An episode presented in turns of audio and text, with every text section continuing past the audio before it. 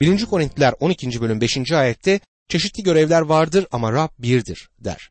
Yani çeşitli görevler vardır ama Rab birdir. Bu Rab İsa Mesih'tir. Hangi armağana sahip olursanız olun bu bir şeyi değiştirmez. O armağanı kullanan Rab İsa'dır ve kendisi bu armağanı kendi yüceliği için kullanmaktadır.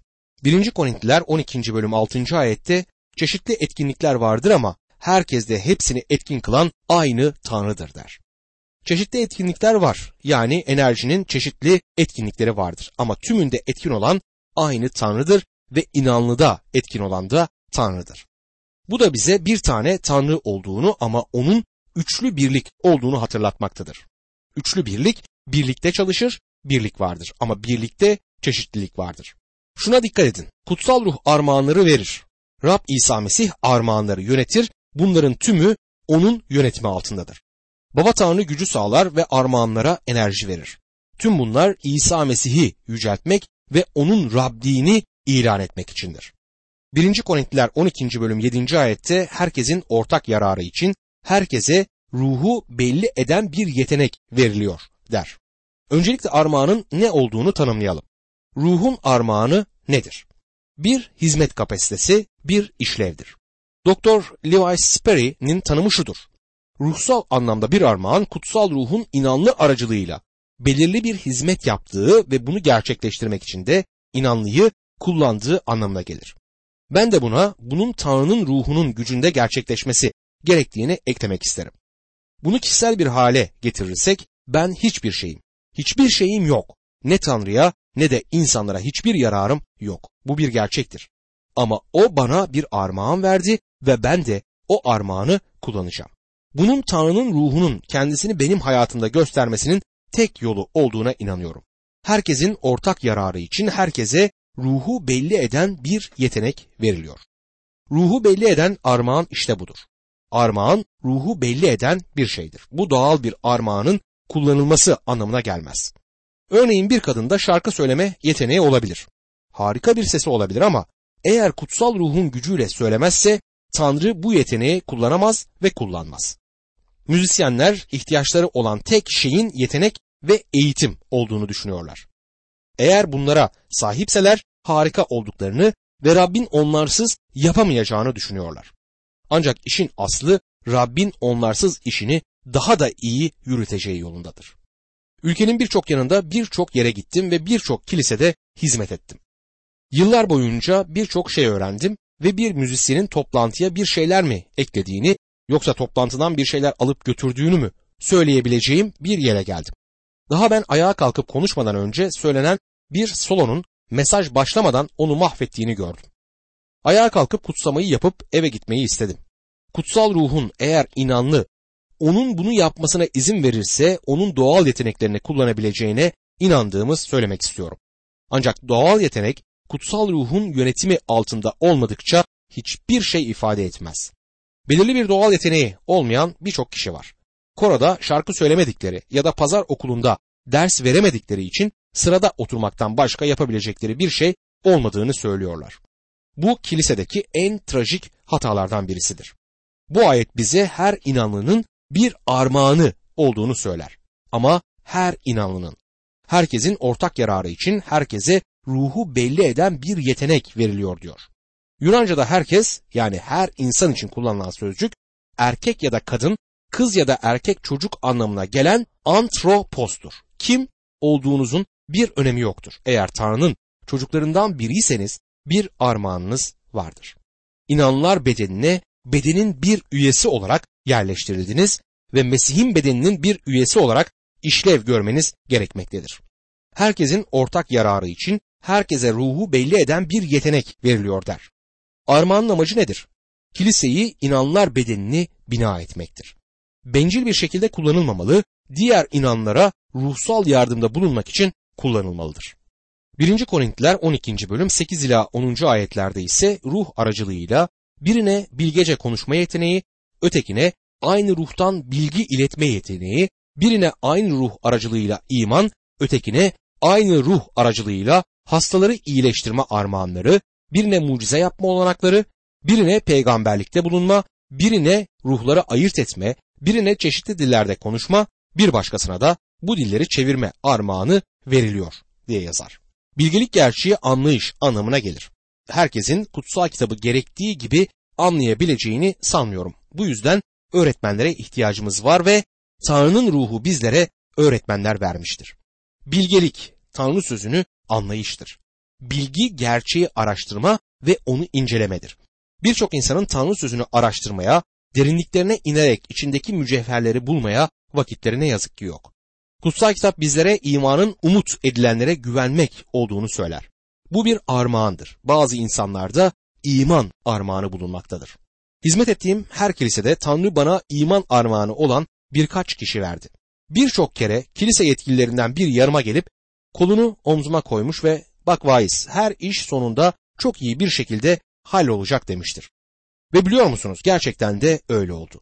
Bende iman yoktu ama onda vardı. İman ruhun armağanlarından birisidir. Bir diğerine aynı ruhta hastaları iyi etme gücü veriliyor. Bunun anlamı hastaların üzerlerine el konulmasıyla iyileşmeleridir. Bu armağan elçilere ve ilk inanlılar topluluğundaki kişilere verilen çok özel bir armağandı. Bizler davamızı direkt olarak büyük doktor olan Rab'be götürmeliyiz.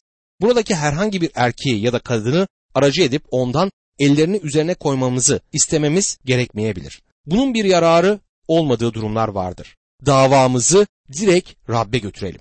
Rabbimiz şifa veren büyük doktordur. Yüzbaşının İsa'ya gelip kendisinden hizmetçisini iyileştirmesini istediğini hatırlayın. İsa Mesih'ten hizmetçisinin üzerine ellerini koymasını istemedi. İsa'dan sadece bir söz söylemesini istedi ve hizmetçinin böylece iyileşeceğine iman etti. Adamın imanı vardı. O kadar çok büyük bir imanı vardı ki İsa hayret etti ve size şunu söyleyeyim.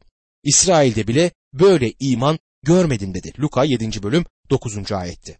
Bu yüzden davanızı direkt olarak büyük doktora götürün. Bu şekilde davamızı Rabbe götürmek ve ondan şifa istemek Rabbe olan imanımızı göstermektedir. Mucizeler oluşturma doğaüstü şeyler yapmaktır. Elçilerin çağında mucizeler vardı ama günümüzde daha büyük şeyler görmekteyiz. İsa Mesih buradayken kendisi kuyunun başındaki kadın ya da Nikodemus'un örneğinde olduğu gibi insanlara bir söz söylerdi ve o kişi iman ederdi ve buna şaşmıyorum.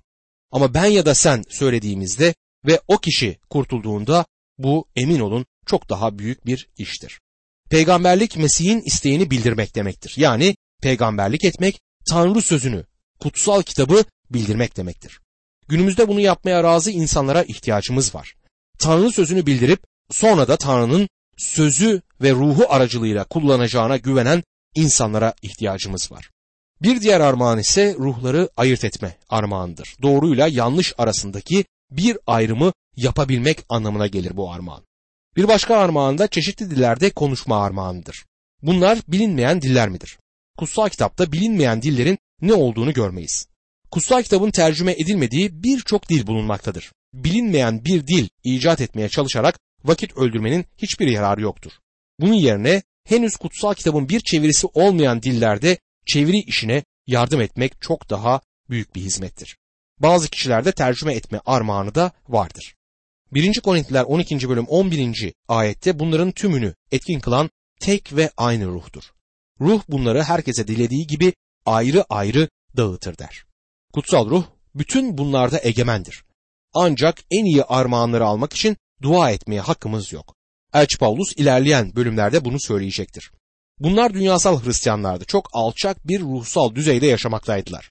Paulus'un bu mektupta bu konuyu ele almasının nedeni budur. Korint kilisesindeki yanlışlıkları düzeltmeye çalışır ve orada da birçok şey yanlış gitmektedir. Onlara birçok armağan olduğunu ve kutsal ruhun bunların her birini kendi istediği şekilde dağıttığını söyler.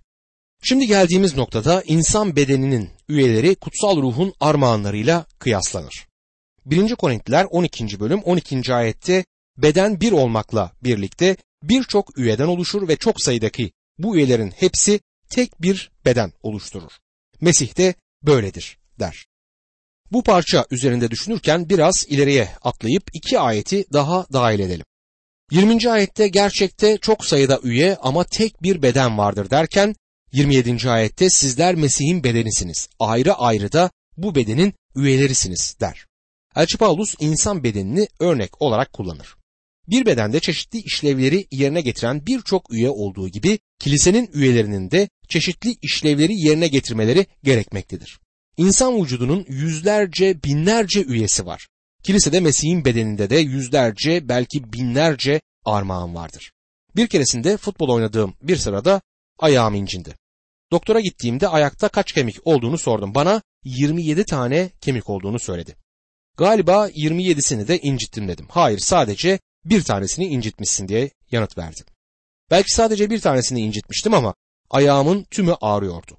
Bir üye acı çektiğinde hepsi acı çekecektir. Beden birçok üyeden oluşur. Kemikler, kaslar, salgı bezleri, organlar, sinirler, damarlar birçok üye. Bir keresinde Atlanta'nın Georgia'sında bir hazırlık okulunun mezuniyet töreninde konuştum.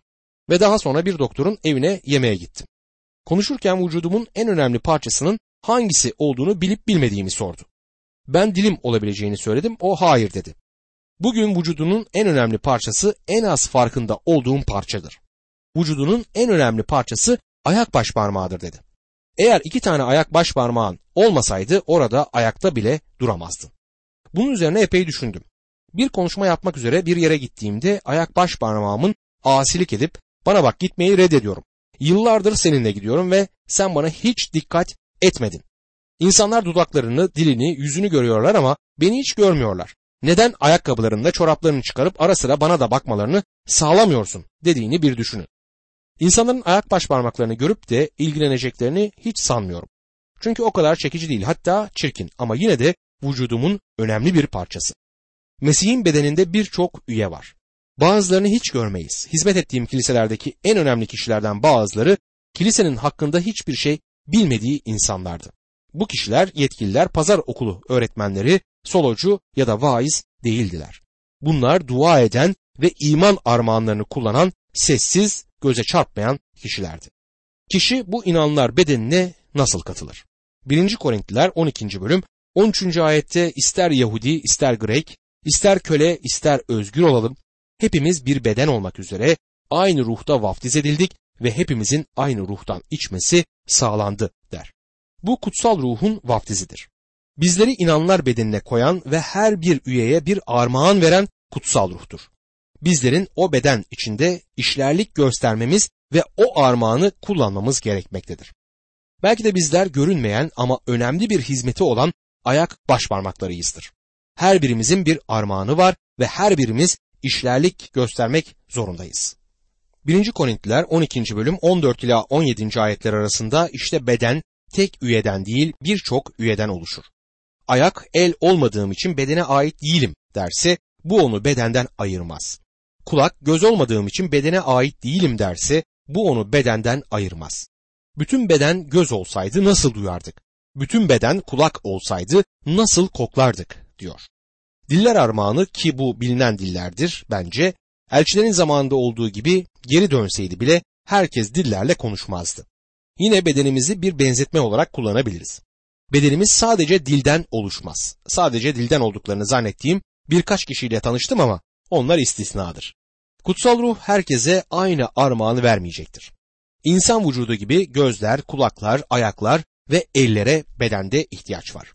Mesih'in bedeninin bütün gerekli kapasitelerinde çalışabilmesi için değişik insanlara Tanrı'nın ruhu tarafından değişik armağanlar verilir. 1. Korintliler 12. bölüm 18. ayette gerçek şu ki Tanrı bedenin her üyesini dilediği biçimde bedene yerleştirmiştir der. Armağanları dağıtan egemen Tanrı'dır ve Tanrı armağanları kendisini hoşnut eden şekilde dağıtır. Gördüğünüz gibi hoşnut olması gereken odur. Bu armağanların bedende olmasının nedeni bedenin işlerlik gösterebilmesidir. Cemaatlerimden birinde olağanüstü bir armağanı olan bir adam vardı. Bu adam kilisenin arka tarafında durur ve eğer toplantıyı rahatsız edecek herhangi bir şey olursa hemen müdahale ederdi. Kilisede bir bebek ağlıyorsa hemen annesinin yanına gider, birkaç dakika bebekle oynadıktan sonra bu arada burada çocuk odamız da var, bebeği aşağıya götürmemi ya da size nerede olduğunu göstermemi ister misiniz diye sorardı. Anneler her zaman olumlu yanıt verirdi. İnsanlara nasıl davranılacağını çok iyi biliyordu. Kendisine de söylediğim gibi ender bulunan bir armağana sahipti ve bu da kilisede gereksinim duyulan bir armağandı. Böyle bir şeyin armağan olduğunu duymak sizi şaşırtabilir. Tabii ki bu bir armağandır. Hem de harika bir armağan. Yemek pişirmek, pasta yapmak ya da dikiş dikmek bunların hepsi birer armağandır. Kutsal kitaptaki olaylardan armağanlar hakkında bir fikir edinebiliriz. Hananya ve Safira'nın armağanları vardı ama onlar armağanlarını İsa Mesih'in Rabliğine teslim etmemişlerdi ve armağanları Rab için işlemiyordu. Bunun üzerine Simon Petrus'un önüne ölü olarak düştüler. İlk inanlar topluluğunda var olamazlardı. Armağanları vardı ama onları gerektiği şekilde kullanmıyorlardı.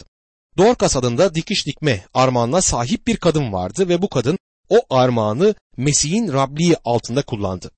Onu Tanrı'nın isteği için kullandı. Öldüğünde Simon Petrus oraya gitti ve dullar Dorcas'ın diktiği giysileri gösterirken bir moda defilesi gibi bunlara sundular. Bunları giymelerinin nedeni bu fakir kadınların giyecek başka hiçbir şeylerinin olmayışıydı. Dorcas ve armağanları ilk inanlar topluluğu için önemliydi. Öylesine önemliydi ki Simon Petrus onu ölümden diriltti. Hala gereksinim duyulan bir armağanı vardı. Simon Petrus'un bir armağanı vardı. Pentekos günündeki büyük vaiz oydu. Tanrı onu büyük bir kapasitede kullanmıştı. Tanrı artık onun armağanlarına gereksinim duymadığında öldü. Ama ölümden dirilmedi. Dostum Tanrı'nın ruhu bütün bunlarda egemendir. Neyin önemli olduğuna, neyin önemli olmadığına karar veren Tanrı'dır.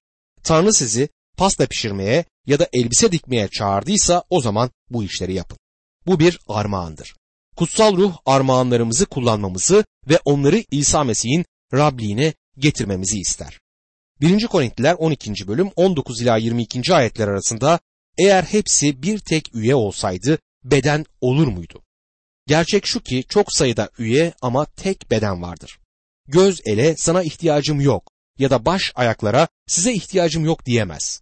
Tam tersine bedenin daha zayıf görünen üyeleri vazgeçilmezdir der. Sizler ve benim birbirimize ihtiyacımız var ve Rab hepimizi kullanmayı istemektedir. 1. Korintliler 12. bölüm 23 ila 25. ayetler arasında bedenin daha az değerli saydığımız üyelerine daha çok değer veririz. Böylece gösterişsiz üyelerimiz daha gösterişli olur. Gösterişli üyelerimizin özene ihtiyacı yoktur. Ama Tanrı değeri az olana daha çok değer vererek bedende birliği sağladı. Öyle ki bedende ayrılık olmasın, üyeler birbirini eşit biçimde gözetsin diye yazıyor. Ufak tefek gelişmemiş bir erkek çocuğunun vücut geliştirme yaptığını görmüşsünüzdür. Kaslarını geliştirmeye ve biraz kuvvet kazanmaya çalışır. Aynı şekilde Tanrı da küçük armağanların gelişmesi için inanlar topluluğuna ilgi göstermektedir. Günümüzde kilisede gelişmesi gereken birçok armağan olduğunu düşünüyorum. Belki de siz şu anda Rab için hiçbir şey yapmadığınızı düşünüyorsunuz. Özellikle de gençseniz. Sizin için dünyadaki en heyecan verici şey Tanrı'nın ne yapmanızı ve nereye gitmenizi istediğini öğrenmektir. Tanrı'nın size hangi armağanı verdiğini keşfetmek büyük heyecan veren bir deneyimdir. Bütün bunların bedende ayrılıklar olmaması için yapılması gerektiğini söyleyerek sözlerine devam eder. Üyeler birbirlerine aynı ilgiyi göstermelidirler. 1. Korintliler 12. bölüm 26. ayette bir üye acı çekerse bütün üyeler birlikte acı çeker. Bir üye yüceltilirse bütün üyeler birlikte sevinir der. Dostum kilisede kıskançlığa yer yoktur. Hepimiz aynı bedenin üyeleriyiz. Eğer biri onurlandırılırsa hepimiz aynı onuru paylaşırız. Ve bir üye acı çektiğinde hepimiz onunla birlikte acı çekeriz. 1. Korintliler 12. bölüm 27 ve 28. ayetlerde sizler Mesih'in bedenisiniz. Bu bedenin ayrı ayrı üyelerisiniz. Tanrı kilisede ilkin elçileri, ikinci olarak peygamberleri, üçüncü olarak öğretmenleri, sonra mucize yapanları, hastaları iyileştirme armağanlarına sahip olanları, başkalarına yardım edenleri, yönetme yeteneği olanları ve çeşitli dillerle konuşanları atadı diyor. Peki başkalarına yardım etme armağanı nedir? Bu çok harika bir armağan. Eğer bu armağana sahipseniz umarım onu kullanıyorsunuzdur. 1. Korintliler 12. bölüm 29 ve 30. ayetlerde ise hepsi elçi mi? Hepsi peygamber mi? Hepsi öğretmen mi? Hepsi mucize yapar mı? Hepsinin hastaları iyileştirme armağanları var mı? Hepsi bilmediği dillerde konuşabilir mi? Hepsi bu dilleri çevirebilir mi diye soruyor. Elçi Paulus bütün insanların aynı armağanlara sahip olmadığını çok açık bir biçimde dile getirir. Hepsi elçi mi? Bunun açık yanıtı hayırdır. Hepsi mucize yapar mı ya da hepsinin hastaları iyileştirme gücü var mı ya da hepsi bilmediği dillerde konuşuyor mu? Bunların yanıtı hayırdır. 1. Korintiler 12. bölüm 31. ayette ama siz daha üstün armağanları gayretle isteyin. Şimdi size en iyi yol göstereyim. Kutsal ruh armağanları vermekte egemen olduğu halde Tanrı'dan istediğimiz armağanı isteme hakkına sahibiz. Daha üstün armağanları gayretle istememizi söyler. Doktor Vernon Maggie şöyle diyor. Ben Hristiyan bir ailede büyümediğim için hiç Hristiyan eğitimi almamıştım. İlahiyat fakültesine gittiğimde kutsal kitaptaki kitapların isimlerini bile bilmiyordum. Entelektüel ve felsefenin vurgulandığı bir üniversiteden mezun olmuştum ve o tür bir vaiz olmaya çalışıyordum. Sonra Doktor Harry Ironside'ı dinledim. Kutsal kitabı basit bir şekilde açıklıyordu. Sonra onun kurabiyeleri alt rafa koyun ki çocuklar da onlara erişebilsinler dediğini duydum. Sonra Rabbin koyunlarımı otlat dediğini hatırladım. Zürafalarımı otlat dememişti. Bundan sonra Rab ben de onun gibi bir vaiz olmak istiyorum diye dua ettim. Daha sonra bir teoloji okulunda Doktor Ironside'ın yerine konuşma yaptım ve kendisi öldüğü zaman fakültenin dekanı bana telefon edip fakültemizde Doktor Ironside'ın konuşmalarından boşalan yeri sen doldurur musun diye sordu. Ona doğru dürüst cevap bile veremedim. Telefonu neredeyse kaba bir şekilde kapattım. Dizlerimin üzerine çöküp Tanrı'ya teşekkür ederken ağladığımı itiraf ediyorum. Rab Doktor Ironside gibi öğretide bulunmama yardım etmen için dua etmiştim ve duamı yanıtladın dedim. En iyi armağanları gayretle istemiştim ve duamı Rab yanıtladı. Ben Doktor Ironside'ın eline su dökemeyeceğim halde Tanrı sözünü öğretme deneyimi ve ayrıcalığı beni heyecanla titretiyor. Dostum Tanrı'dan en iyi armağanları isteme hakkına sahipsiniz. Birkaç kişi bu konuda bana yazıp kutsal ruhun vaftizini almanı gerçekten umut ediyorum demişlerdir. Şunu bilginize sunmak istiyorum ki kutsal ruhu aldım hem de o kurtulduktan sonra yaşadığım bir deneyim ya da aldığım bir şey olarak değildi. Kutsal ruh beni bu inanlılar bedenine koydu ki bu da kutsal ruhun vaftizidir. Ayrıca bu insanlar umarım bir gün sen de dillerle konuşursun derler. Doğrusunu isterseniz benim duam kendi dilimi biraz daha iyi konuşabilmek çizgisindedir. Neden mi? Çünkü Tanrı'nın bize verdiği armağan inanlılar topluluğuna yararlı olması içindir. Tanrı size hangi armağanı verirse versin. Armağanın amacı diğer inanlılara bedenin diğer üyelerine hizmet etmek içindir.